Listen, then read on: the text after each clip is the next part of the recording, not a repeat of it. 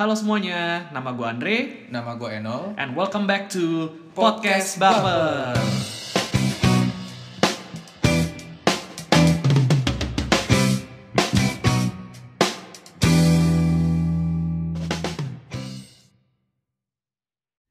Halo semuanya, balik lagi di Podcast Baper. Yoi, udah tiga minggu nih gak ngupload Dre. Yoi, Gara-gara Andre habis traveling ya. yoi. Uh, dan uh, thank you banget buat kalian yang udah tetap nyariin, udah nungguin dan ya sekarang nih kita, gue juga kangen sih Dre podcast bareng lo ya. Gue kangen rekaman podcast sih. Yoi, walaupun kemarin gue sempet uh, nyebrang ke sisi sebelah tuh sama Retropus ya ngomongin bola lah ya, karena kan uh, kita semua suka bola nih ya. Jadi uh, ya refreshing aja dikit, cuman kangen banget buat ngobrol lagi di Baper khususnya. Uh, thank you banget ya, kita udah lama nggak upload tapi tetap masih ada di top Spotify ya.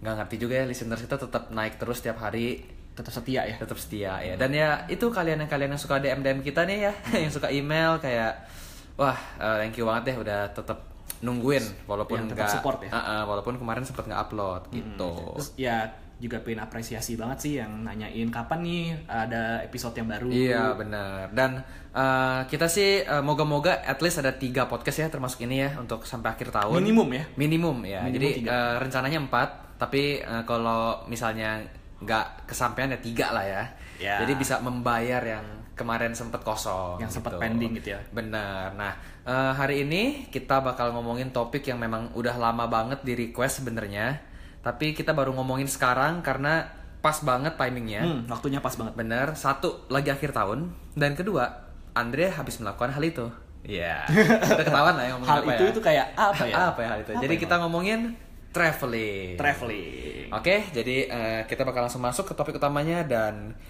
keep stay tune guys.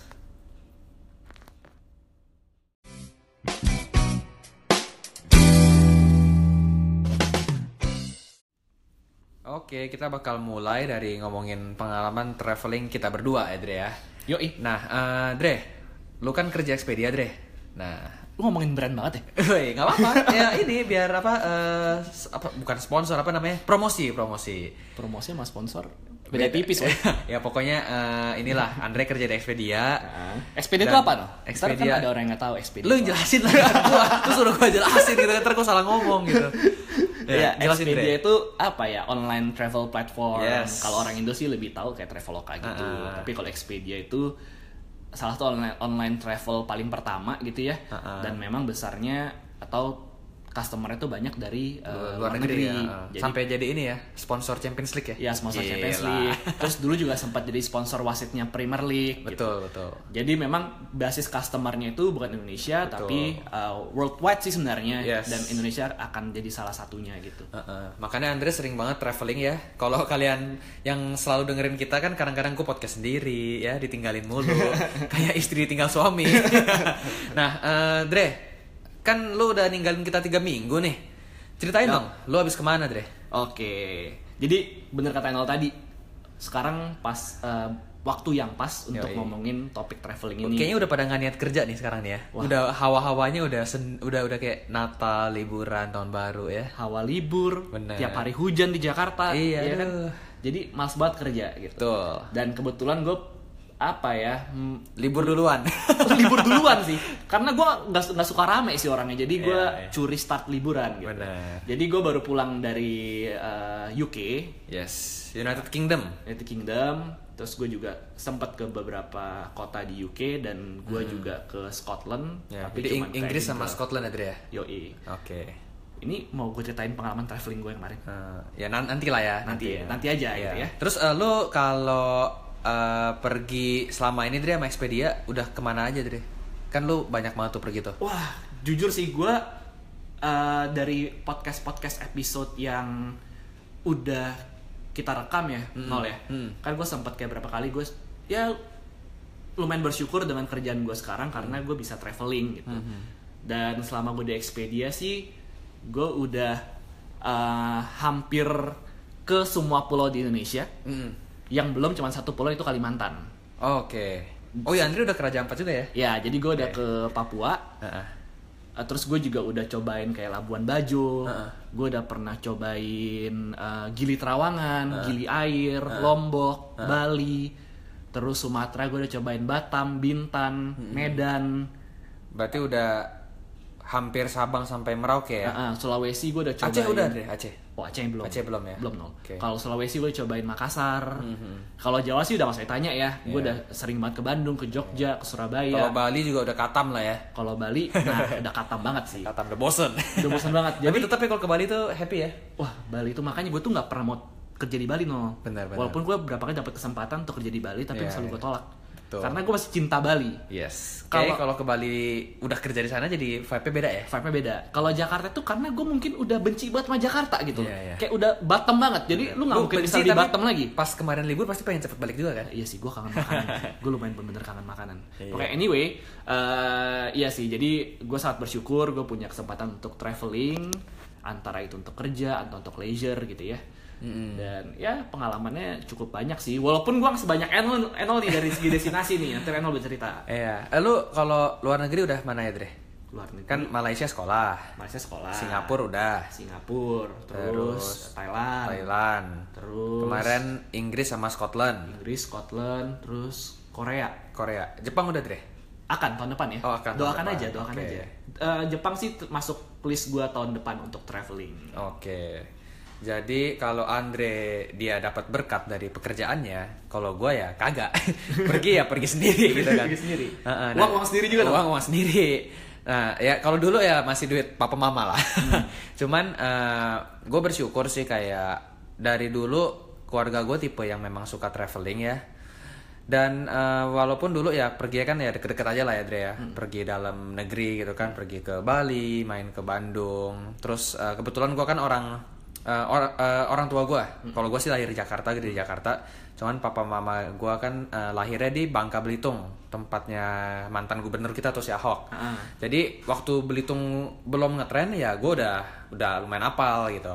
Terus kayak Medan udah, eh, Raja Ampat ya kan wah Raja Ampat tuh super super gokil sih kayak kalian yang belum pernah harus coba walaupun memang secara biaya memang sedikit agak mahal. Terus eh, Lombok, Gili Trawangan semua juga udah.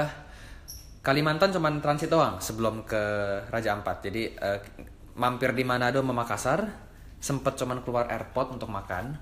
Nah, dan kalau keluar negeri, puji Tuhan juga udah dapat kesempatan ke semua benua kecuali Eropa Timur sama Afrika. Sama Amerika Selatan belum. Pengen banget sih ke Brazil atau Argentina ya. Wah, pengen banget sih. Ah, ah. Nah, gue juga udah sempet ke UK tapi cuman di Inggris, nggak ke Scotland, nggak ke Wales. Terus Eropa Barat pernah ikut uh, tour ya, jadi yang Prancis, Itali, Belanda, Jerman, Swiss. Terus Amerika juga pernah. Itu gue nggak tahu, gue nggak minta, gue nggak apa-apa, tiba-tiba dapet tiket aja. Nah. Pergi tuh sama salah satu temen kita juga deh, ikut tour waktu itu ya. Eh, Amerikanya tapi yang San Francisco, terus eh, aduh gue lupa. Pokoknya ke Grand Canyon, ke LA cuman bentar. Hmm. Basically udah semua de- apa ya top top destination around the world gue sebenarnya punya impian dari dulu. Kalau UK kan udah ya, udah checklist jadinya. Andre juga udah checklist karena, karena kita suka bola soalnya kan. Gue oh Spanyol juga udah gue, yang Spanyol, Portugal gitu Oh, udah. iya. Jadi Eropa yang bukan Eropa Timur itu. Itu Eropa apa sih Spanyol, ti, Spanyol, Portugal. Ya itulah. Terus eh, yang gue pengen tuh sebenarnya gue ke ini deh, ke Eropa yang Denmark. Terus ke Eropa Timur kayak Rusia, Pokoknya tempat-tempat yang hipster-hipster itu Polandia. Nah, gue pengen banget karena gue kan suka sejarah ya. Scandinavian berarti. Ah, eh, ke Swedia gitu. Gue pengen banget tuh yang kayak ke ini, ke yang Holocaust Holocaust Museum, Nah. ya kan. Nah, jadi eh, kalau yang Holocaust bersinggungan gue pernah di Belanda. Gue pernah ke Anne Frank yang Hmm. Oh, museum yes, Anne ya kan. Nah, itu kan terkenal banget.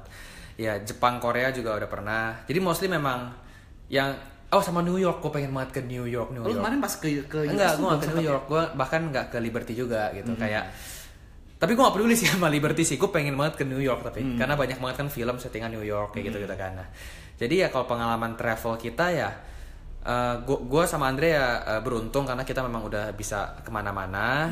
Walaupun dulu gue expectnya juga belum ke Europe sebenarnya umur segini tapi eh, ya dikasih juga eh, jadi bisa jalan-jalan. heeh. Dan ya kalau dibilang udah hebat traveling atau belum menurut gue juga ya biasa-biasa aja karena kita bukan yang kerjanya traveler Andre ya bukan vlogger bukan yang kayak gimana dan untungnya adalah gue sama Andre udah pernah ngerasain pergi pergi pakai tour sama pergi sendiri Andre ya. Hmm. Nah, dan itulah yang nanti akan kita bahas juga di tema eh, di tema berikutnya maksud gua. Jadi eh, untuk setelah ini kita langsung ngomongin aja Andre. Fokusnya nih di pentingnya traveling buat kita kita semua. Ya. Ya, jadi eh, kita bakal masuk ke topik pentingnya traveling setelah yang satu ini. Yoi.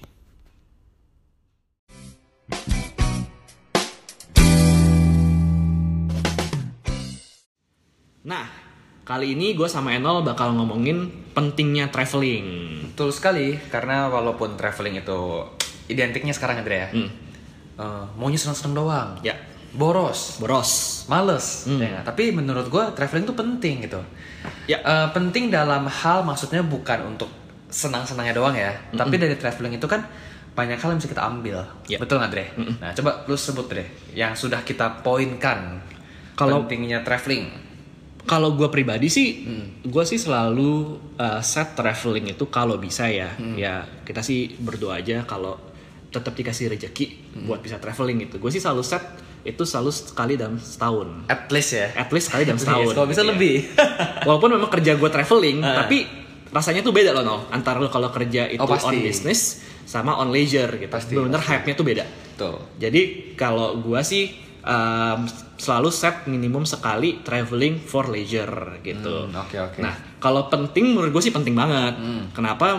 Ke- uh, menurut gua poin pertama yang tadi kita ngomongin uh, salah satunya salah satunya adalah refreshing. Tuh, refreshing itu kan nggak cuman fisik ya. Hmm. Refreshing itu bisa ke pikiran. Ya. Jadi bisa ke- bisa menyehatkan mental lagi. Tadinya mungkin udah bener-bener down, udah bener-bener capek yang sampai mungkin ngelihat komputer aja males gitu ya. Nah, refreshing itu kan bikin eh sorry refreshing lagi. Jalan-jalan itu kan bikin kita bisa melihat hal baru ya nggak? Ya. Di mana itu juga jadi poin penting kedua, Ya. yaitu terbuka sama hal-hal baru. Hmm. Contoh aja kayak waktu kita ini deh kuliah di Malaysia ya nggak sih?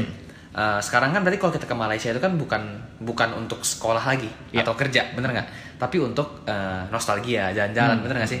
Itu kan membuat kita kayak, oh at least eh, kangen nih. Jadi datang nih misalnya kita ke KL gitu kan, udah lama nggak datang dua tahun gitu kan, pas datang kayak gila KL ternyata udah maju banget. Iya. Udah ada MRT, ya kan LRT udah lebih bagus. Eh, mall-mallnya lebih gede, Ya. Terus banyak banget barang franchise baru yang udah masuk di sana belum masuk di Indo. Ya kan kayak gitu-gitu kan secara kita udah kerja itu kan membuka pandangan kita untuk nggak cuman ngelihat senang-senangnya doang, tapi ngelihat kayak oh ternyata Malaysia harus maju ini ya. Opportunity apa yang bisa kita ambil misalnya, ya nggak sih? Kalau gue mau nambahin traveling itu bagus banget supaya apa ya mata lu tuh bukan kayak mata kuda. Benar. Eh, sudut pandang berbeda, bener nggak sih? Iya, lu lu tuh bisa melihat ke kiri, ke kanan, atau bahkan lu bisa lihat 360 derajat. Ya atas bawah. Bener, atas bawah gitu. Kalau lu cuman kayak nggak apa deh, gue nggak, gue sih nggak merasa traveling itu penting. Gue punya satu teman yang memang merasa traveling itu nggak penting. Nah, Udahlah, gue emang orang yang suka jalan-jalan. Tapi menurut gue dia itu melewatkan beberapa hal yang penting kayak gitu. Contoh aja, gue cuman bikin sharing pengalaman gue dari em, da- apa dari traveling gue yang kemarin nih yang ke UK. Terbuka untuk hal baru. Gue sih belum pernah ke Europe sebelumnya, kemarin belum pernah pertama kali. Eh gue bener-bener ngerasain contohnya adalah suasana Natal. gue sempat cerita sama Enol sebelum kita buat podcast ini. Salah satu yang bener-bener yang merema sebenarnya dari eh, menurut gue dari traveling gue kemarin adalah suasananya gitu. Karena selama ini gue cuman kayak spend times di beberapa negara Asia bahkan mayoritas di Indonesia yang suasana Natalnya gitu-gitu aja gitu. Tapi kemarin ketika gue di Edinburgh itu mereka ada Christmas market dan eh, apa mereka juga ada buat dekorasi Natal, lagu-lagu Natal di mana-mana. vibes-nya tuh emang udah Vibes-nya beda tuh kayak banget ya. ah beda banget. Terus yang kedua selain suasana yang kedua adalah orang-orangnya. Hmm. Lu tuh bener-bener belajar banget gaya hidup orang yang berbeda dari kita orang Indonesia gitu loh. Atau more specifically orang Jakarta. Hmm. Jakarta lagi. Nah, em, gua tuh salutnya sama punctuality-nya no. Hmm. Eh, Ketepatan waktu ya. ketepatan waktu, eh, terus kayak bener-bener mereka itu eh, apa ya mengikuti peraturan yang ada gitu. Sharing pengalaman aja waktu gue di Edinburgh itu gue naik Uber. Ngomongin brand nggak apa ya di sini ya? Nggak apa-apa. Ngomongin Uber, ya Uber kan masih ada di sana gitu ya.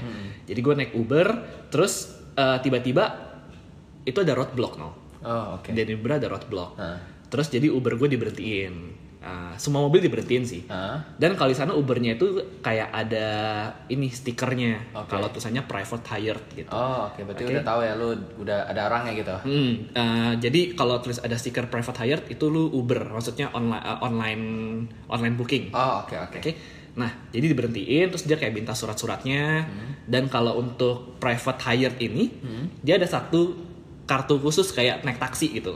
Mereka ada kartunya. Kalau emang lu eh, ini eh, apa supir Uber gitu. Oke. Hmm. Berarti jelas banget lah di sana. Bener jelas banget. Dan kebetulan eh, supir Uber gue nggak bawa kartunya ini. Hmm. Eh, dan eh, dia nggak boleh ambil penumpang kalau lu nggak bawa. Oh, Padahal surat surat mobilnya semua lengkap. Hah. Cuman dia cuma nggak bawa kartu doang. Terus dia pun kayak udahlah ini gue enak nih ada Hah. ada tamu nih gini ini udahlah gue bener-bener lupa bawa gitu. Hah. Ada di rumah kalau mau gue ambilin dia di rumah gue nanti gue tunjukin. Terus tetap tetap nggak boleh kan tuh? Tetap Hmm. nggak bisa lu nggak boleh bawa penumpang gitu. Kalau di Indonesia mobil aja beda kadang-kadang ya. Mobilnya beda kadang-kadang. kita misalnya naik yang itu sama itu gitu kan, tiba-tiba eh, mobilnya beda, motornya Mobilnya beda. supirnya beda bahkan kadang-kadang ya. atau yang ya atau yang mungkin kita pernah mengalami kalau kena tilang ya tau lah Iya benar. Jalan tengahnya Sering gitu tuh lah ya. alasan katanya ini mobilnya mobil anak saya atau mobil tetangga gitu-gitu kan kayak ah ada aja alasannya lah. Terus Betul. terus terus. ya terus ya pokoknya gue si sopir Ubernya ini nggak boleh mengambil penumpang. Terus gue dan teman-teman gue di eh, harus keluar dari Uber itu.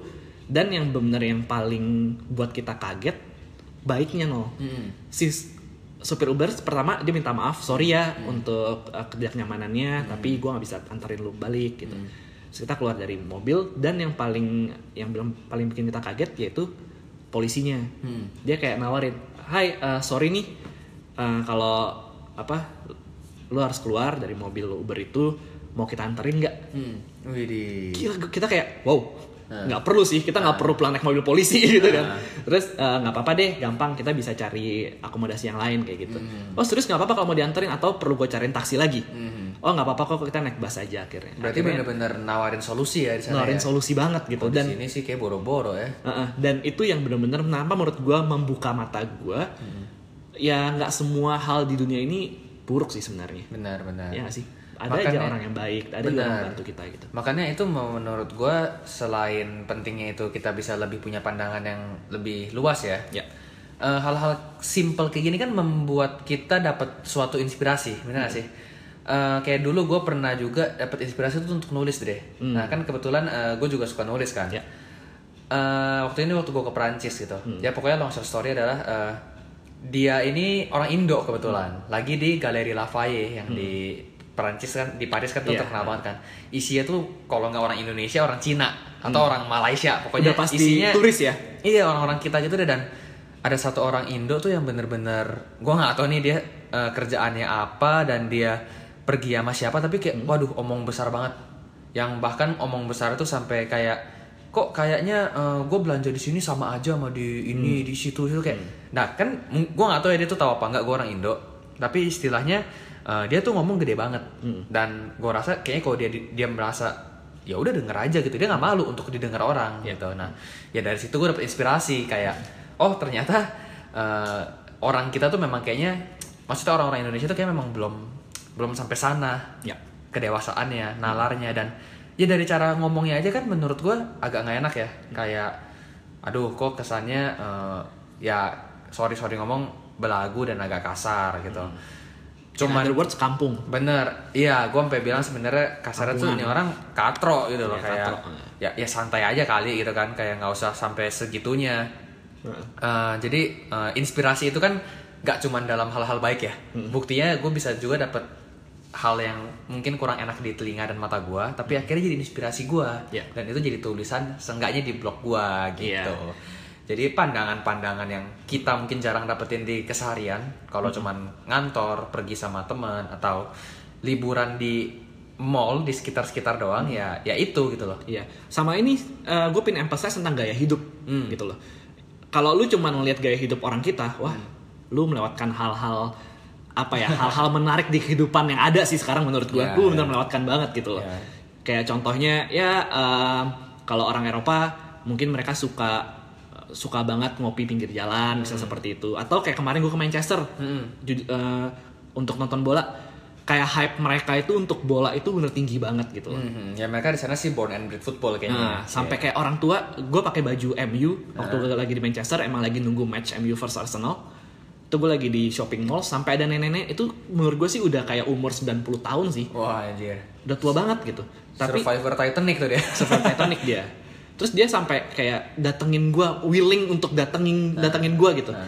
Kayak cuma nanya, "Uh, hi what do you think about today's Hmm. match gitu. Kayak wow. mereka lebih kayaknya tuh lebih ramah dan lebih nggak sungkan gitu ya Iya. dibandingin kalau ya kalau di sini kayak ya kali tiba-tiba ada nenek-nenek mau eh, nyapa anak muda cuman kayak karena dia pakai baju bola atau mungkin baju yang identik gitu kan sama ya suatu event itu kan kayak ya menurut gua enggak sih malah kalau di sini kayak bisa aja anak budaya malah kayak waduh ini ngapain sih ini si nenek kayak jangan-jangan gua mau dihipnotis gitu Iya, kan kayak gitu. kayak, Kayak hal kayak gitu mindsetnya gitu udah ya. buruk gitu loh. benar benar Ah, sorry gue nambahin lagi. cukup menyedihkan ya cukup menyedihkan sih. Ah, Sorry gue nambahin lagi. Dan yang paling gue suka itu dari segi hospitality. Hmm. Kayak contoh hal simple banget kita ke restoran, Hmm. eh, mereka lagi siapin eh, tempat duduk. Mereka kayak oh wait give me two minutes Hmm. gitu. Kayak mereka tuh selalu kasih estimated time Hmm. untuk bisa ngelainin kita atau serve kita gitu. Eh, terus kalau kita udah pesen, mereka bilang oh eh, tunggu Hmm. makanan lu mungkin agak sedikit lama kita mohon maaf banget tapi kita bakal yakin bakal di serve within 20 minutes misalnya Hmm. seperti itu atau gue naik bus dari Manchester mau ke London balik Hmm. itu bener-bener kayak busnya itu telat 5 menit doang no Hmm. busnya 5 menit gue busnya 8.05 dia datang 8.10 Hmm. Itu pas kita lagi udah jalan si sopirnya selalu ngomong kita benar-benar minta maaf banget untuk atas, uh, ya atas memang memang gitu. mereka punya gaya hidup dan mereka punya disiplin tuh udah iya gitu. levelnya beda ya. Kayak kalau kita telat 5 menit itu mah nggak telat gitu kan. kayak ya 5 menit kali gitu. eh, slow kali kayak lagu. Dan menurut mereka itu matters gitu. Iya, dan itu yang benar-benar membuka mata. Atau tadi gue pengen nambahin yang Enol bilang tentang peluang bisnis. Hmm.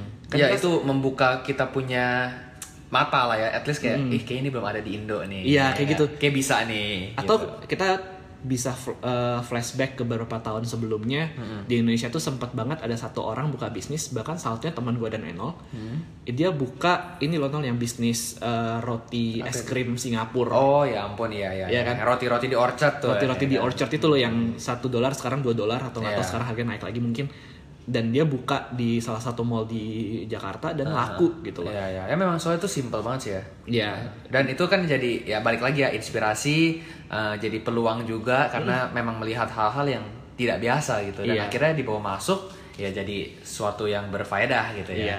Betul. Iya sih. Itu Ya. itu sih yang gue pengen sharing yang apa ya terbuka hal-hal baru. Benar-benar. Jadi ya pentingnya travel tuh ya eh sorry, ya pentingnya travel adalah ya refreshing. Kita juga terbuka sama banyak hal baru, sudut pandang juga makin luas dan ya inspirasi ya, inspirasi untuk dibawa pulang nggak cuma dari gaya hidup mereka, nggak cuma dari eh, cara mereka bersikap dan cara mereka ya sehari-hari. Iya. Plus sama ya itu peluang bisnis tadi ya. Sama gue pengen nambahin bisa untuk kesehatan loh menurut gue. Kesehatan. Kalau udaranya beda sama kita. Bukan nol maksud gue kayak eh, ini. Lu kalau emang kerjanya itu setiap hari diduduk di belakang meja dan lu kita tau lah orang Jakarta itu mungkin ada orang emang gym freak cuman kalau seba- sebagian besar dari ma- masyarakat Jakarta bilang mau nge-gym itu wacana Benar-benar. iya kan Di gue kan- pengen mulai nge-gym nih gitu Di kantor depan laptop, Depan pulang laptop. depan TV Netflix. depan, depan TV Netflix Atau gitu laptop kan. juga Netflix ya. Nah, jadi menurut gue memang kita kadar geraknya itu sangat berkurang. Hmm. Ada kok artikelnya walaupun gue belum riset sampai sekarang ya. Itu kadar geraknya orang tuh emang udah mulai berkurang gitu loh. Hmm. Apalagi kalau di eh, apa di kota-kota besar kayak Jakarta Hmm, gitu.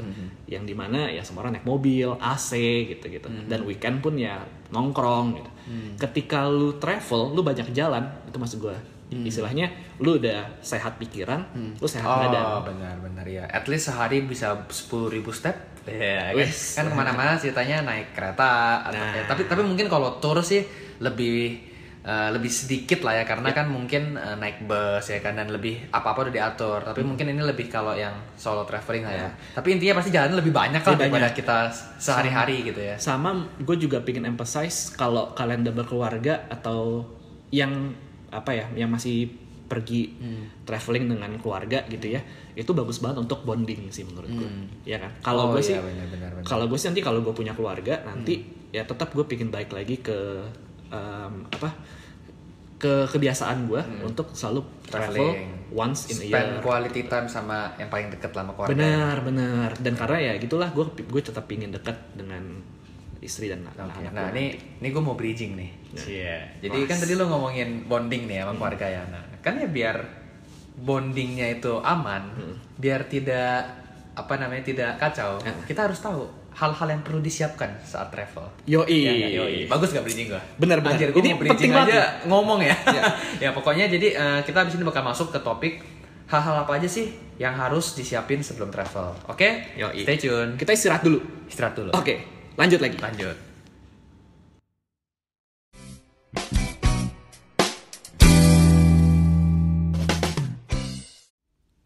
Nah, hal-hal penting yang harus disiapkan sebelum travel, ini gue belajar dari salah satu tour leader terbaik yang pernah gue ikutin, yang pernah gue ketemu gitu. Jadi kan eh, dulu memang karena kita juga ya bukan punya keluarga di luar ya kan, Eh, kita ya mostly kalau keluar negeri keluarga gue Dre ya, nah, gue ikut tour gitu. Nah dan kayak kan sempet kayak oh ke Thailand ikut tour, ke mana ikut tour gitu kan kebetulan waktu gue ke Eropa Barat yang Prancis, eh, Jerman, terus Italia itu sama Swiss, gue tuh ketemu satu tour leader yang menurut gue tuh luar biasa. Karena dia selain jadi tour leader, dia tuh kayak gimana ya? Gue berasa bener-bener teman sama dia. Padahal dia usianya juga udah 40 ke atas dan udah berkeluarga gitu. Sedangkan waktu itu gue masih umur 21, ya kan? Nah, waktu kita baru mendarat nih Dre, di Paris, dia langsung ngomong, "E, bapak-bapak, ibu-ibu, menurut bapak sama ibu yang paling penting saat mau jalan-jalan tuh apa sih? Nah, ya gue kan, kalau gue kan orang suka dengerin orang ya, Ya. S- orang cerita gue dengar gitu. Ya gue dengerin banget di, di bus kan gue duduk gue dengerin ini, ini orang ngomong apa gitu kan. Ya kok ya namanya Ayung. Ya, jadi Ayung si Ayung nih si Ayung nih ngomong kan gue bilang kayak gila ini udah mukanya sipit banget itu kan. Ya, Orang Bangka dia pasti. gue gue gak tau orang mana. Biasanya kalau Ayung orang bangga gitu. pokoknya namanya Ayung gitu kan si Om Ayung ini ngomong yang paling penting apa gitu kan nah eh, terus semua kan pada angkat tangan tuh Dre. Hmm. oh paling penting paspor jangan hilang Wah, itu betul bener. Terus dia bilang tapi ada lagi yang lebih penting. Terus ada yang jawab "Eh, duit nggak boleh kurang. Bener Hmm. juga pak. Cuman duit bisa dicari dia bilang. Terus ada lagi yang jawab kayak oh ya harus ini harus itu harus ini harus itu gitu. nah tapi akhirnya dia bilang kayak semua bener. Tapi yang paling penting adalah kalian harus punya eh, mood yang bagus untuk liburan katanya. Nah, jadi pikiran harus bersih. Jangan udah jauh-jauh ke Eropa, tapi tangannya masih main handphone ngurus kerjaan. Ya. Karena dia bilang waktu tuh nggak bisa balik lagi. Ya Betul. Masa lu udah bayar mahal-mahal sama keluarga lu, lu masih ngurus kerjaan, lu bete-bete, nanti lu ganggu eh, kenyamanan tour juga. Dan mood lu kan juga kita nggak bisa ngatur gitu. Yang bisa atur tuh diri kita sendiri. Nah kebetulan oh, bokap gua terutama memang pekerjaannya kadang-kadang tuh eh, libur tuh masih ada masih ada urusan gitu. Nah setelah diomongin kayak gitu, gue tuh ngeliat dia sendiri pun langsung kayak, eh bener juga nih si Ayung gitu kan kayak masa gue udah mahal-mahal ke Eropa, gue masih mau telepon-telepon supir kayak kayak gitu gitu kan. Nah jadi mood itu paling penting. Set your mood right. Kayak jangan sampai kalian pergi masih bete atau kayak hal kecil aja bikin kalian jadi kayak males. Ya nggak sih? Lu namanya udah liburan ya lu harus seneng gitu. Ya. Karena kalau lu nggak seneng ya nggak liburan. Ya nggak? Percuma lu mau di tempat terindah sedunia, tapi hati lu lagi nggak nggak tenang atau lu pikirannya ke mana-mana. Makanya orang bilang tuh semua sih memang lebih perspektif aja ya nggak tempat di mana aja bisa jadi bagus kalau hati kita juga seneng gitu berarti equationnya tau nggak apa no? apa ya? Pergi traveling sama aja kayak mau nikah. Oh iya benar Selesaikan dulu yang sebelumnya. Asik. Jadi harus harus ini ya, uh, selesai dengan ini ya. Diri sendiri urusan- dulu. Anjir, diri sendiri itu lebih relationship. Kalau ini selesai dengan urusan di di Urusan rumah. bisnis. Bisnis, ya. Nah, terus uh, tadi gue sama Andre ada ini juga bahas. Ini tuh lebih ke ngomongin destinasi, ya Andre ya. Ya. Jadi tadi Andre bilang kalau buat orang-orang yang teratur, udah mau tahu besoknya ke mana, dan itu gua sih. Kalau kalau lu gimana deh? Lu lebih, Iya, gua nah, sih- lu lebih pengennya tahu ya besok ke mana gitu kan? Iya bener karena apa ya gue tuh nggak apa gue pingin maximize liburan bener-bener gua. nggak nggak mau waktunya mungkin terlalu buat aduh mikir mau ke mana gitu ya. Jadi kayak mm, kalau dari pengalaman gua karena setelah pokoknya semenjak tahun 2013 gue tuh selalu pergi sendiri akhirnya. Jadi lumayan nekat lah kayak udah solo traveling aja. Kan gampang sekarang ada Google bisa sewa wifi kayak gitu-gitu kan Iya. gue tuh melihat ada dua tipe orang Dre. Ada orang yang sudah mengelis destinasi yang mau ke mana aja. Itu untuk orang kayak kita. Ah. ada yang super yolo. Besok lu mau ke mana? Kagak tahu gua. Lu di sana mau ke mana? gitu ya? kagak tahu. Gua tanya aja orang sana yang seru apa. Yang gua yang dia tahu tuh cuman yang landscape landscape yang udah pasti terkenal. Jadi kayak mungkin misalnya kalau ke Jepang udah tahu lah gua mau ke Tokyo Tower sama ke Mount Fuji. Sisanya mana? Kagak tahu lah gua mau ke Disneyland kayak Disney Sea kayak gua mau ke apa temple mana gua nggak tahu. Pokoknya gua mau YOLO aja. Nah jadi ada dua tipe orang. Kalian harus tahu kalian tuh yang mana. Ya. ya kalau pergi sama keluarga kita saranin planning. Planning. Tapi kalau mungkin kamu perginya sama pasangan Sama dan teman-teman. sama teman-teman, ya sama teman-teman. Aja bisa berantem ya kalau misalnya Iya. uh, tipenya beda-beda gitu. Tapi kalian benar-benar harus tahu kalian tuh tipe yang mana.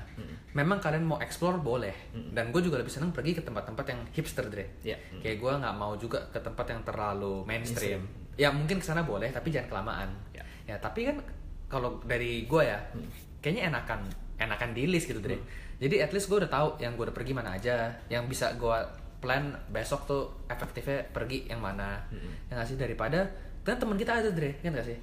Eh, dia tuh bilang sama gue, nol gue tuh paling nggak mau ikut tour males banget bangun diatur. Apa diatur? Gue tuh maunya terserah gue ya nggak? Ntar mak gue mau shopping dia bilang ya gue temenin shopping. Gue mau pergi ya gue pergi aja. Nah cuman ya gue bilang kalau gue kayak lu sih gue gue bete juga ya. Masa lu udah libur jauh-jauh gitu? Nggak usah jauh-jauh deh lu ke Bali gitu tapi lu bangun siang-siang gitu. Iya. ya kayak udah nggak asik gitu kan kalau buat gue gitu. Tapi kalau menurut gue dua tipe orang itu nggak ada yang salah nggak ada yang benar. salah memang memang tergantung Kalau- lu nya aja gitu. dan menurut gue planning pun juga bukan identik dengan tour ya. Karena Hmm. gue tuh orangnya juga juga nggak suka ikut tour no.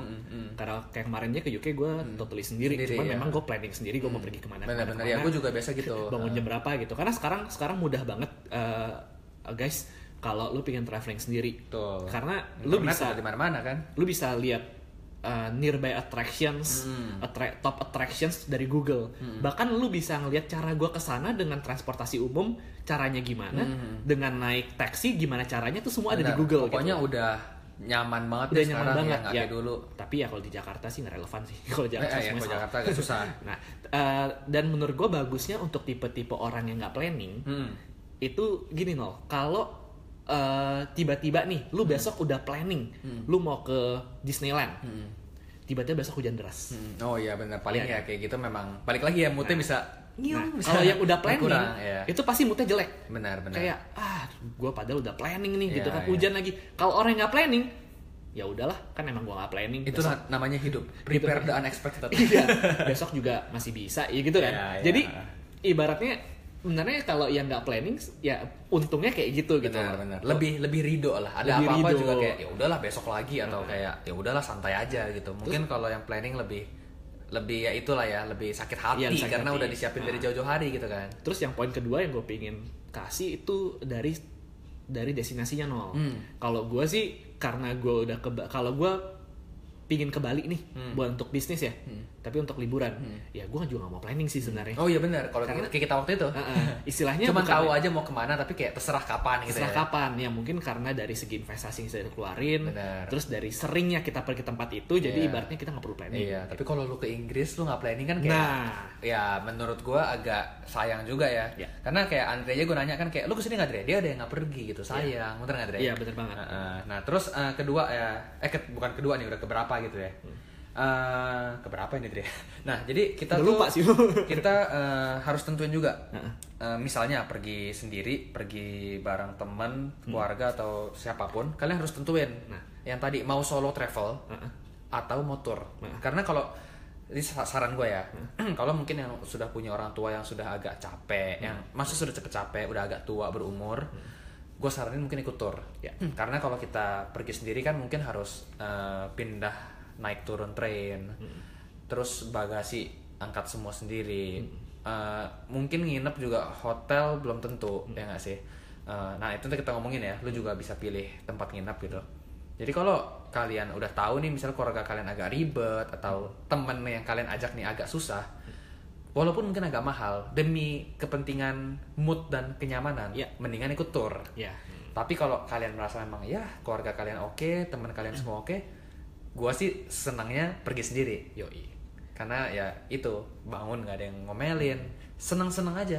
pulang semalam apa pun terserah ya nggak Iya, sih bener. mau makan apa aja Terserah. terserah. mau di tempat itu shopping berapa lama terserah, Terserah. di, di Disneyland mau dua hari tiga hari terserah ya nggak sih Nah, gitu kalau lu ikut terus sebenarnya ada benefit lagi nol. Mm-mm. eh kalau ikut tour ya pasti sebenarnya banyak ikut tour, Benefitnya ya banyak. Salah satunya tau nggak apa? Gue sempat denger dari orang tuanya mantan gue. oh iya yang yang yang mana nih yang mana? Yang mana? Banyak ya. Eh, dia bilang udah ikut tur, ikut tur itu bisa dapat jodoh katanya. oh iya benar sih Bener karena Bener, bener. orang pergi tuh jalan-jalan moodnya bagus. Mhm. Iya kan kalau mood lu bagus, benar-benar lu kayak bersinar. ini mah gitu. kayaknya lu aja pengen Dre gue gue yang lucu dulu eh, waktu gue tur ke Jepang ya gue inget jadi gue ke Jepang udah dua kali Hmm. tahun 2008 gue ikut tur tahun 2016 2016 gue pergi sendiri Hmm.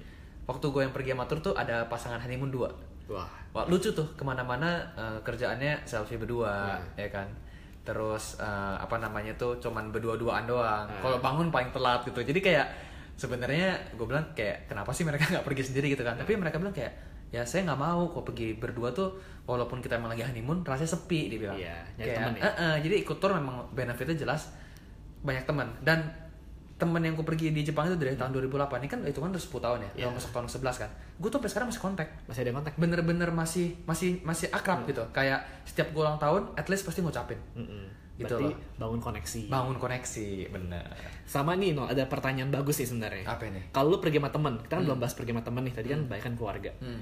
Kalau pergi sama temen, bagusnya Hmm.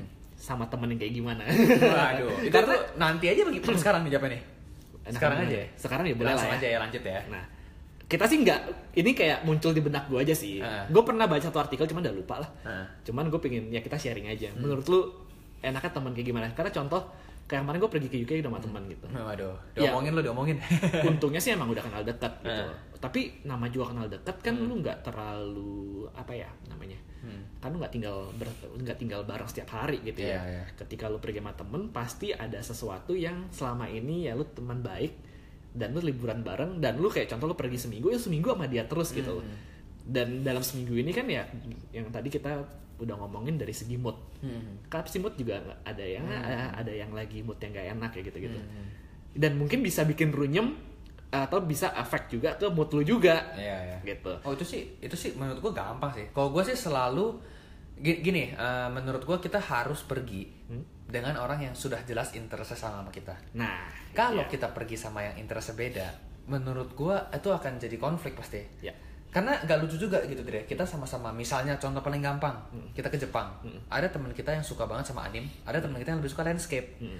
Ya nggak lucu dong kita sama-sama ke Tokyo, sama-sama ke Osaka gitu atau ke Hokkaido, tapi pas nyampe sana kayak ya udah pisah ya, kita ketemu lagi di tren apa di station Hmm. jam berapa kayak terus jadi bagi kayak misalnya pergi berlima eh, dua orang foto-foto landscape, tiga orang ngurusin anime itu kan kayak menurut gua kurang gitu dan ya jujur itulah yang harus kita pertimbangin gitu. Berarti loh. satu dari versi Enol dan Andre satu adalah interest interestnya sama. sudah jelas. Kalau kedua menurut gua adalah Eh, gua- lu gua mesti nih. jam bangun gimana?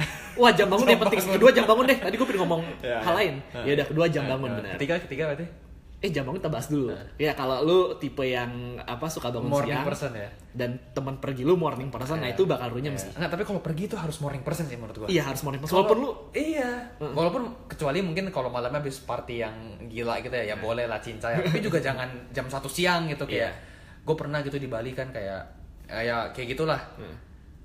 Bangunnya jam satu siang cuy. waktu setengah hari Kayak habis ya. Udah setengah hari habis, walaupun ya nanti tidur lagi kayak jam 4 pagi gitu kan. Tapi cuman menurut gue kayak ya agak sayang karena kan kayak kok pagi-pagi ke pantai seru ya Iya. kan pagi-pagi bisa makan ya eh, apa ayam betutu lah betutu. atau apa gitu kan. Sama tuh kayak gue kemarin di UK, Heeh. gue harus bangun pagi banget. Kenapa? Karena di sana siangnya cuma 6 jam. Bener, karena kan lagi winter kan. Lagi winter, Nah, kayak- cepet banget gelapnya. Mereka terang jam 8, jam 3 sore itu udah Udah udah lumayan gelap, udah, ya kan. udah gelap, udah Udah kayak gelap malam ya? gitu. Oh. Jadi kayak kesannya kalau gue kan pengen foto-foto ya. Em, jadi gue cuma punya waktu 6 jam gitu. Hmm. Bahkan dipotong makan, dipotong kayak gue pergi sama teman-teman eh, apa eh, Hmm. Teman-teman gitu ya. wanita gue Iya. yang dia makan harus dandan segala macam. Iya, jadi iya, udah iya. kepotong ya dua jam lah. Ya, lu harus tiga jam sama, gitu. gua sama, sama teman-teman kita itu. Ya itu harus sih. Gue sama Enol punya punya wacana untuk Iya, iya. pergi ke bareng ke UK nonton bola. Nonton bola. Itu itu gampang, banyak tour sekarang yang mengurus itu. Yo, pokoknya ya kita udah udah, udah Enol udah pernah nonton bola di UK, gue juga udah pernah itu gampang bisa diatur lah ya. Hmm. Benar. Nah, yang ketiga nol Yang ketiga. itu menurut gue toleransi sih. toleransi. Ya bener harus memang harus cinta sih harus cincai kayak ya lu punya punya interest bukan interest sih sebenarnya lu punya kebiasaan yang A temen lu punya kebiasaan yang B ya lu harus ketemu di tengah gitu. Benar-benar nggak boleh egois lah. nggak boleh egois. Karena pergi bareng ya di sana juga harus happy bareng ya nggak sih contoh juga urusan makan misalkan Hmm. lu pingin satu oh gue pingin makan Asian nih yang satu oh gue pingin mak- makan Itali yang satu gue pingin makanan Thailand ya nggak bisa lu mesti rembukan kayak Hmm. betul gitu betul dan ya jangan sampai uh, pertemanan itu Rusak rusak karena karena, lu traveling. traveling gitu loh. Kalau Iya, iya. sama keluarga sih ada lah rujukannya tapi keluarga kan nggak bisa dipecahkan. ya pokoknya traveling itu harus membawa dampak lebih baik lah ya, iya. Dan itu mesti benar pikirin banget. sih. Iya. Nah, kita balik ke yang penting sebelum travel. Ada eh, jangan pusing sama konten Instagram. Ya, setuju banget tuh. ya nggak sih? Kayak sekarang orang tuh pergi mikirinnya konten deh. Iya. Ya nggak? Udah tahu nih yang bagus misalnya di mana gitu kan. Ya lu foto ba- bagus belakang lu kosong gitu. Padahal kalau lu lihat belakangnya ngantri orang foto. Iya. Dan jadinya lu kayak ya gitu stres sendiri ngatur oh di sini posenya apa di situ posenya apa cuman demi kepentingan sosial media Iya. ya sih ya kita demen banget yang ngomongin sosial media ya Iya, banget.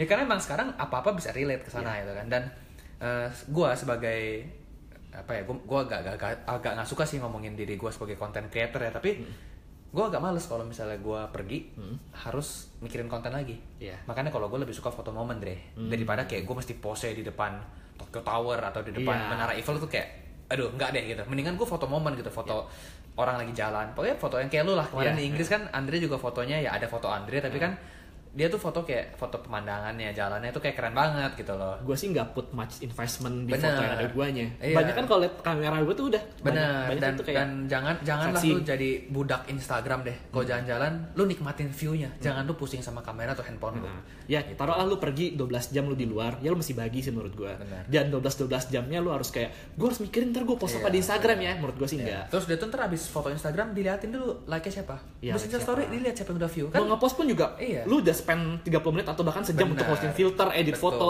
jadi kan kayak sayang waktu lo ya jadi ini, ini sangat penting untuk para Yoi. generasi zaman now bahkan gua kemarin tuh kayak mau ngepost ya gue sih nggak nggak mungkiri sih kalau emang kita traveling dengan sosial media itu koneksinya tuh erat banget gitu Betul. loh. Kalau mau post post silahkan, ya kan namanya juga traveling itu sih nggak ada Iya haram sebenarnya sebenarnya halal, cuman lebih baik santai saja. santai aja. Ya kan? Dan gue pun selalu kayak post ketika gue udah mau pergi tidur gitu, Nah, kayak malam-malam itu strateginya. Pas malam-malam udah habis mandi, udah beres-beres, ya biasa sebelum tidur, Ya. sebelum berdoa main HP. HP dulu atau ya post-post gitu kan. Betul, ya. Tapi ya selama gue jalan-jalan ya, Iya, gua fokus. Ya nggak? Kayak bahkan kita nonton bola kita nggak instastory ya. Oh, Ya, nggak. Kalau kalau gue sih waktu itu belum zaman instastory. Dan bahkan waktu itu gue nggak bawa kamera deh, cuman bawa kamera handphone. Hmm. Iya, gua juga Bener-bener sebenarnya.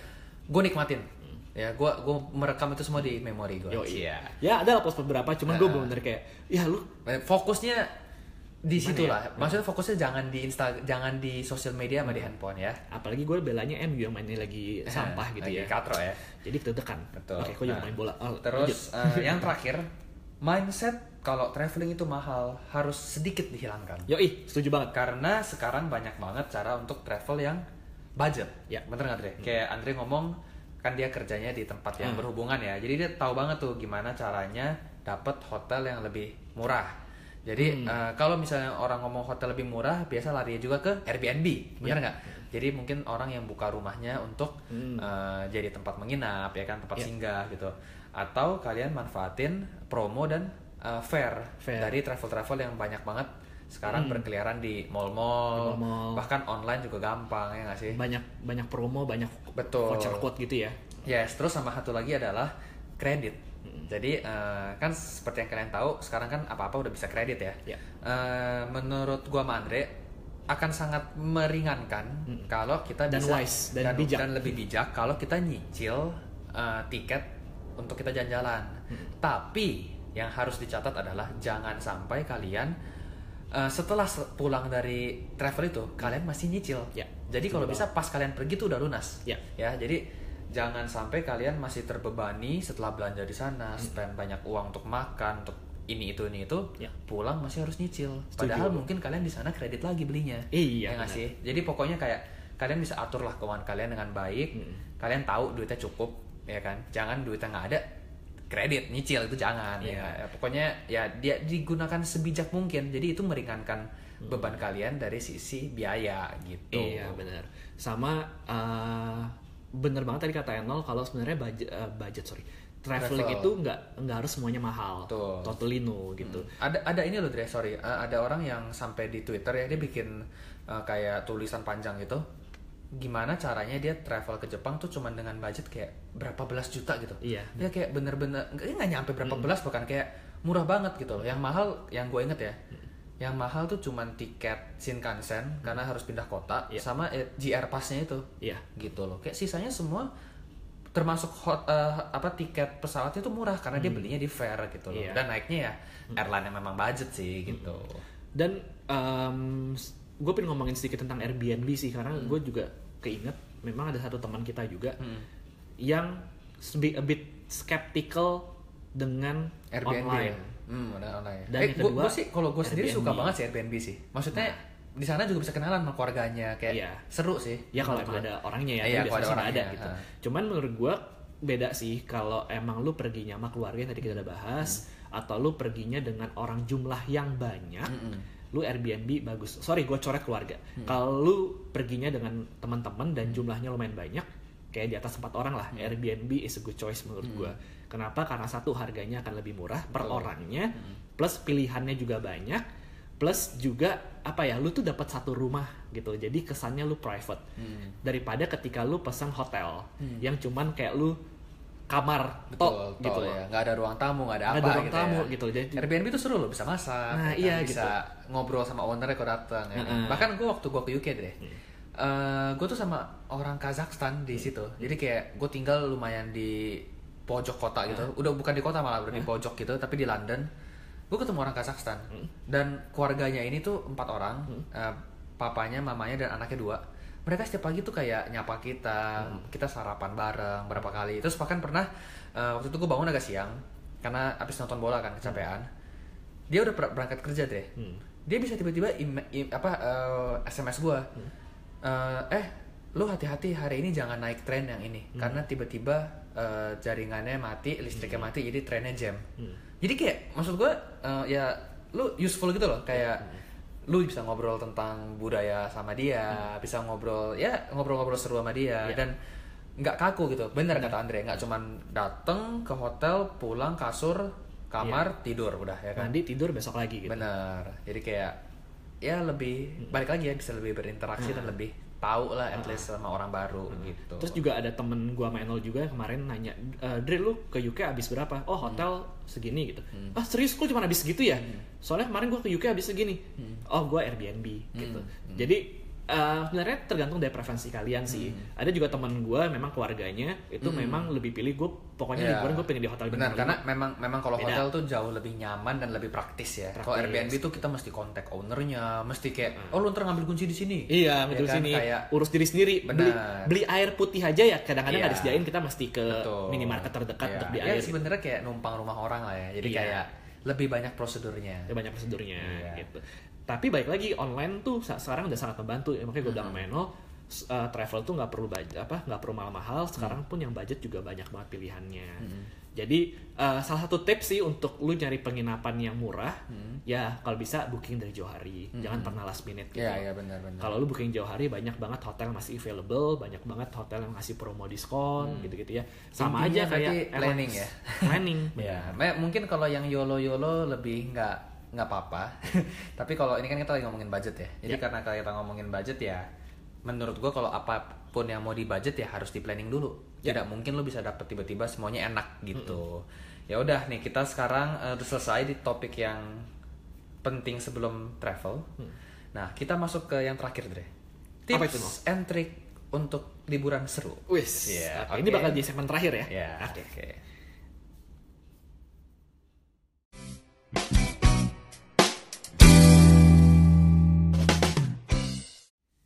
Oke, sekarang di segmen terakhir kita bakal ngomong tentang tips and trick untuk traveling. Yoi. Apa aja no? Pertama, kita harus mencoba untuk membaur sama orang lokal dari yang paling gampangnya Dre. Nah, Cara berpakaian sama Yoi. bahasa. Ya kan? Ya. Ngomong bahasa yang paling gampang kayak tahu lah istilahnya nanya harga berapa Mm-mm. ke toilet caranya gimana itu lu harus tahu cara ngomong bahasa lokalnya Berarti lu mesti research dulu ya sebelum lu Benar. datang ya. Nah, jadi maksudnya dengan lu berbaur kan mungkin lu bisa lebih mengerti gitu kayak oh kayak gue nih waktu itu deh. Eh, kenapa sih di Jepang tuh orangnya ternyata kalem-kalem banget? Hmm. Kayak waktu gue pergi ke UK. Kenapa nih orang semua punctual banget? Nah. Nah, ternyata tuh alasannya sebenarnya sederhana, Dre.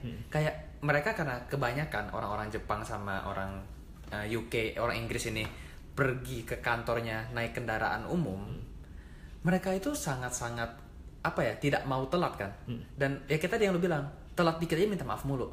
Nah, jadi mereka tuh dari kecil udah diajarin kayak kenapa sih kita nggak boleh telat? Hmm. Kenapa sih harus menghargai banget waktu? Ya nggak sih? Gue pernah soalnya sengaja membaur dengan orang-orang Inggris yang mau pergi kerja. Mereka tuh kalau nggak salah selalu berangkat kerja jam setengah enam pagi. Nah gue jam jam segitu gue udah siap gitu. Dan ternyata memang yang rame banget adalah jam segitu. Ya. Tapi yang paling rapi orangnya jam segitu juga. Hmm. Jadi lu bayangin Dre, lu nggak lu nggak bangun waktu itu kan jam jam segitu kan? Ya, belum bangun. Enggak karena gue pernah Dre. Jadi eh, memang kayak bener-bener semuanya tapi rapi gitu. Nggak kayak di Jakarta gitu. Kalau di ya di, ngomong di Indo lah ya. Di Indo kan juga paling rame pasti ya pas jam kerja. Iya. Tapi kan gerasa kerusuk sana sini sana sini ya kan. Kalau di sana tuh kayak rapi lainnya. Terus mereka langsung sekali masuk tren ada tempat duduk ke duduk kalau nggak ada megang atas buka koran. Iya. nggak ada yang berisik nggak ada yang norak nggak ada yang apa-apa gitu kan.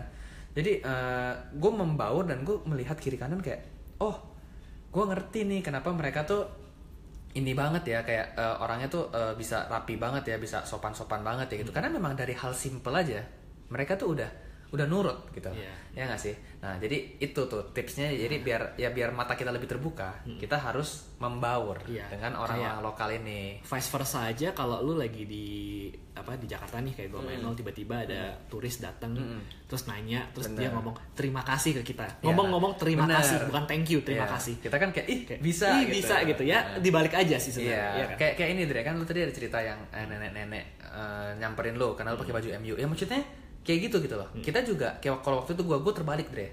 Gua yang nanya orang lokal kayak eh lu udah di di sini lu eh, dukung tim apa? Lu udah pernah nonton di stadion ini belum? Gue mau nanya dong ke sana gimana kayak ya gue basa-basi aja sebenarnya tapi gue mencoba gitu untuk ngobrol sama dia ya kan dan akhirnya gue tuh eh, tahu gitu kayak oh ternyata orang ini pendukung MU Nah. tapi lucunya adalah pacar dia kerja di Megastore Arsenal.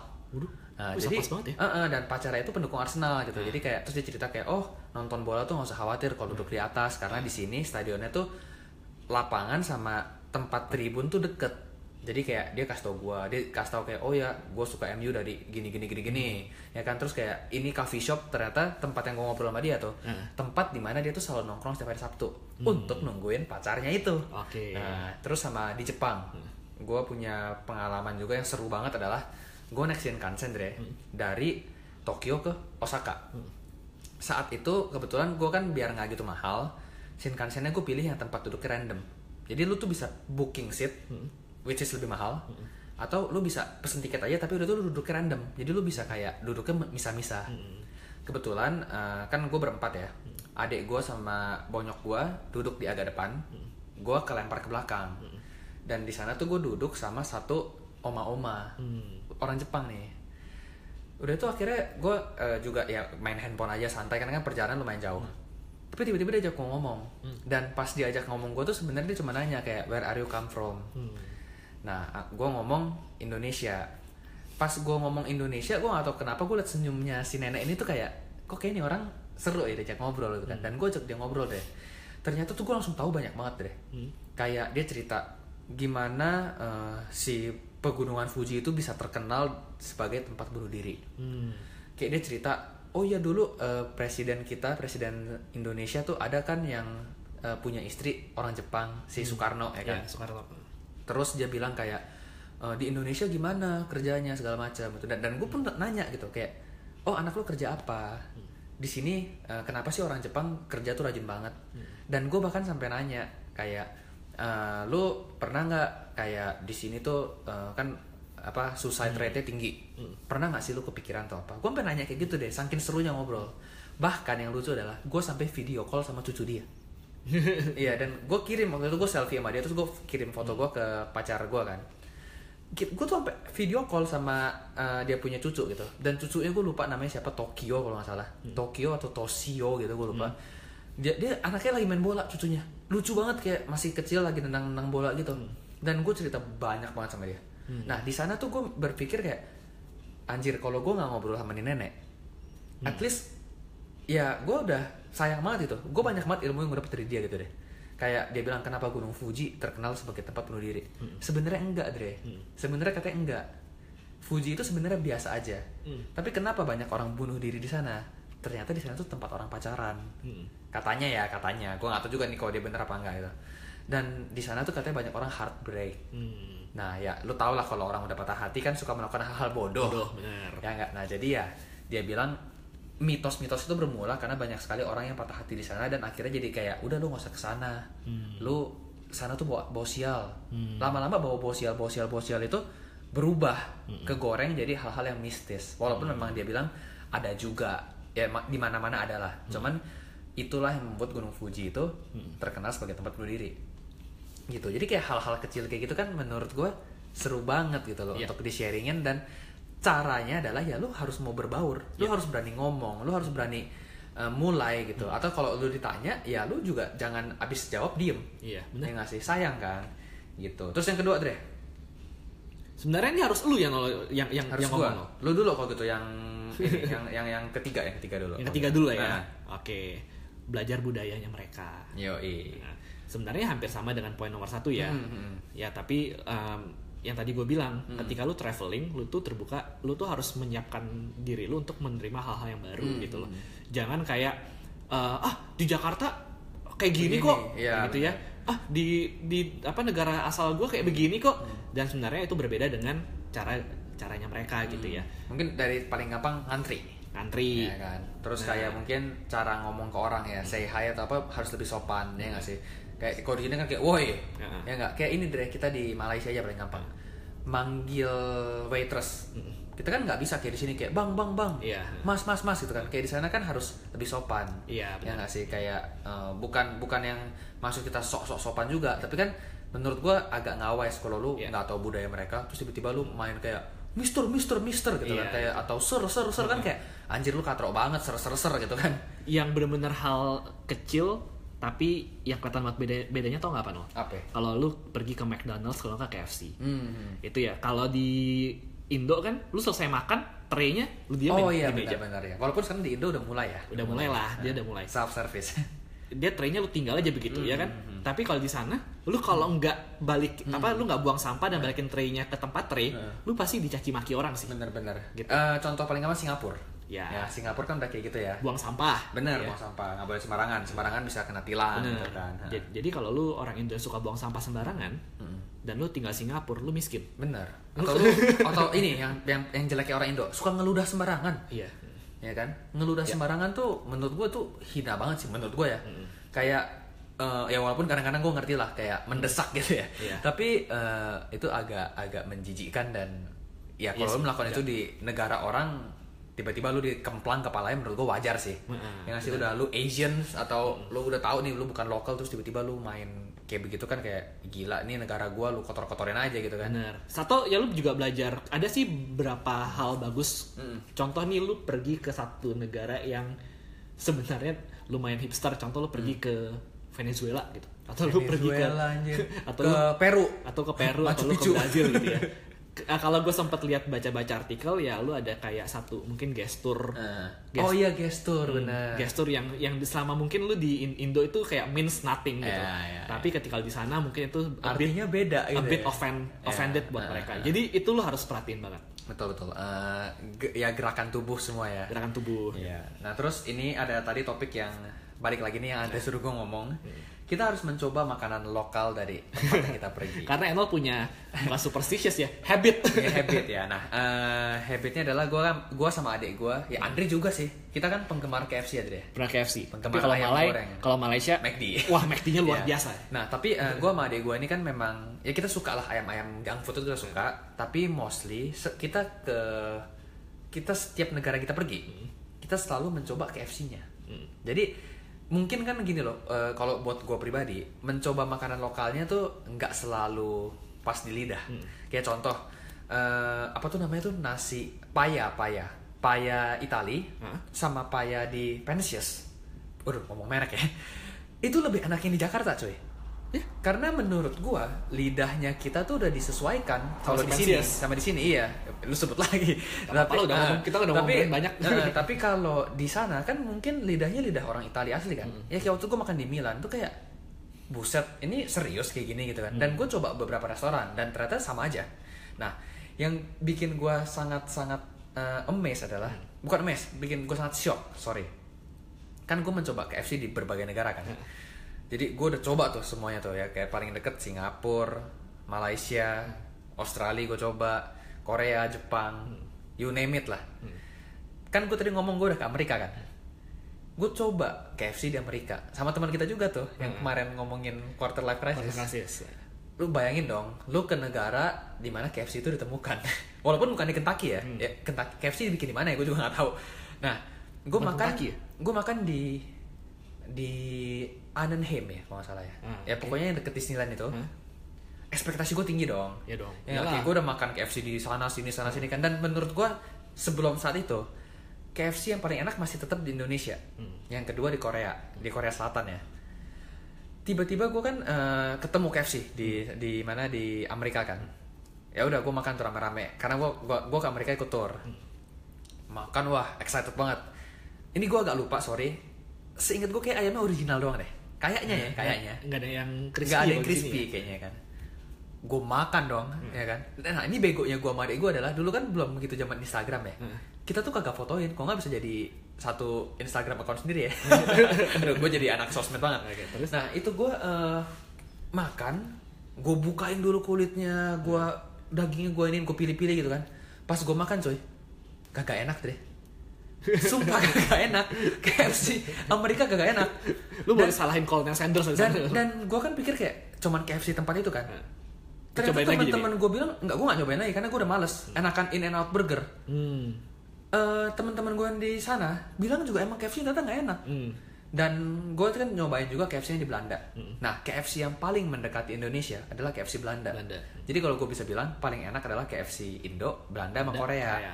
Nah dan kenapa gue pilih KFC ya KFC paling gampang dicari Ya. daripada gue pergi ke mana-mana terus sengaja makan makanan lokalnya terus gue juga nggak suka udah bayar mahal terus gue bete kan males juga Ya. ya nggak sih jadi kayak ya gue tetap coba mencari makanan lokal Hmm. tapi kalau gue gue menyia- menyiasatinya dengan gue cobain KFC dari tiap negaranya nah, Oke. kan setidaknya membuat liburan gue lebih seru dong Benar Ya benar. itu kan? emang harus sih menurut gue cobain makanan lokal tuh harus. bener at least kalau nggak yang lokal ya apa yang lokal di sana apa yang ada di sana lah ya kan Karena menurut gue sayang banget sama aja sih kayak, des- Uh-uh. kayak destination. Lu udah jauh-jauh ke satu Bener. tempat. Contoh kayak kemarin gue ke UK, ya kalau gue nggak kalau gue tetap nyari Asian food, Mm. buat apa? Toh gue yakin Asian food yang paling enak tetap di Asian sendiri sih. Iya, iya. Nggak mungkin di sana ada Asian food yang enak ya. Walaupun gue karena kemarin di sana dingin banget, jadi gue bener craving for hot hot bukan hot soup sih, kayak hot food deh apa aja gitu. Indomie kangen gak? Wah lumayan kangen gue Indomie. gue bener, tanya nyokap gue, gue nyampe rumah tuh kayak mandar pingin makan Indomie aja gue. dua bungkus Hah? dua bungkus Sebungkus saya. Sebungkus aja. Cuman untuk menghilangkan kangen sih. Ya, ya. Cuman ya anyway eh, makanan cobain makan lokal tuh penting banget. Iya, oke. Nah, terus sama yang terakhir, tips and triknya. Oke, ini paling penting kan oleh Paling menurut gue penting. pa- paling penting banget. Eh, terlepas dari lu tipe orang yang planning atau lu yang tipe yang YOLO, lu pasti akan menemukan halangan Betul. atau eh, Obstacles. obstacles atau yang mungkin yang or- orang udah planning ya, mungkin Iya. yang eh, apa Tidak terduga. hal-hal yang terduga atau Betul. sedikit berbeda dari apa yang sudah plan. Yes. Gitu ya. Contoh paling gampang, hujan. Hujan. Tuh. Terus apa? Ya macet, Macet, Eh, kereta rusak. kereta rusak Nah, gitu. coba eh, mungkin biar- Sakit.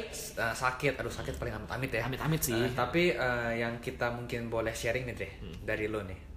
Kejadian nggak terduga apa yang selama ini udah lo alamin, yang seru gitu. Yang seru, yang seru sih baru kemarin sih. Kemarin sih ya. Kemarin tuh seru banget. Cepet aja nolnya. Cepet aja. Sebenarnya banyak banget hal yang gak terduga, Nah. tapi gue cuman ambil top uh, top stories sih. Top story ya. Karena karena ini recently juga ya. Recent, updates, banget, recent gitu. updates. Jadi gua itu kemarin nonton MU versus Arsenal Hmm. di kandangnya MU di Old Trafford dan gue udah sangat menanti-nantikan gitu untuk nonton MU. Jadi Hmm. Udah gue eh, ceng-cengin di lain. Yoi, cengin Enol karena Enol kan pendukung Arsenal pendukung Arsenal fanatik ya Eh, garis keras garis keras pun. nah terus anyway em, sebelum hari pertandingan itu sehari sebelumnya gue emang udah ke Old Trafford kandang MU untuk stadium tour.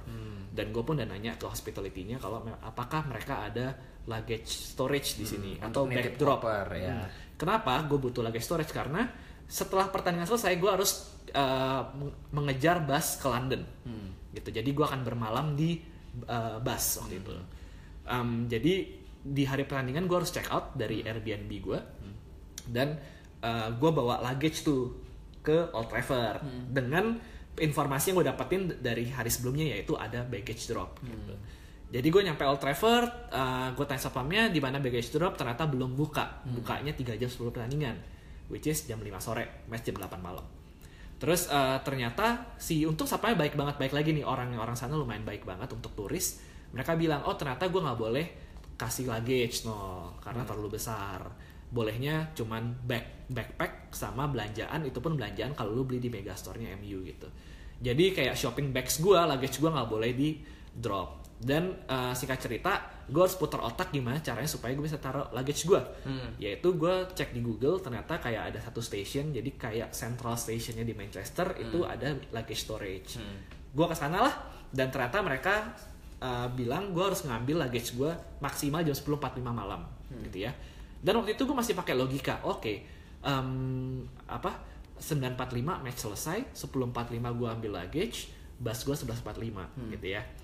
Dan eh, ya supaya gue nggak terlalu buru-buru, gue bahkan sudah keluar dari sebelum pertandingannya selesai. Hmm, menit Kayak 88 lah ya 86 sih gue udah 86. keluar gitu dan ternyata orang-orang udah ramai banget gitu loh Hmm. dan yang nggak terduga adalah gue tuh sebenarnya gue udah plan oh gue akan ke arah sini gue akan ambil bus yang ini Hmm. gue nyampe Manchester Piccadilly Central Stationnya jam segini gitu gue udah plan gitu semua ternyata hal hal yang nggak terduga adalah bus yang gue plan untuk naik itu nggak akan melewati jalan yang biasanya mereka dia jalan.